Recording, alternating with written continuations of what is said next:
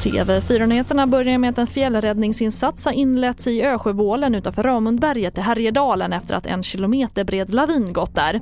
Larmet kom vid lunchtid och det är oklart om någon befunnit sig på platsen och vädret är problematiskt i området. Här har vi Rickard Svedjesten, ordförande i Svenska fjällräddares riksförbund. Ja, men det är ju generellt så här. Vi vet ju av erfarenhet att eh, de första lavinerna brukar gå här i jul, nyårstider. Och eh, precis som du nämnde tidigare så har det gått en stor lavin och eh, på plats just nu så är alla tillgängliga resurser för att genomföra det här söket så att man kan vara säker på att det inte är någon person som har dragits med i massorna. Och Danmark kommer att införa nya omfattande restriktioner för att hindra den ökade smittspridningen. Och restriktionerna kommer drabba kulturlivet, det sa statsminister Mette Fredriksen på en pressträff alldeles nyss.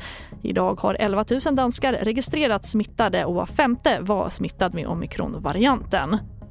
Och de två bröderna som misstänks för grovt spioneri mot Sverige omhäktades idag av Stockholms tingsrätt och ska nu sitta häktade i ytterligare två veckor, det rapporterar DN. Säkerhetspolisen och åklagare är fortsatt förtegna om utredningsläget och båda männen nekar till brott. TV4-nyheterna, jag heter Charlotte Hemgren.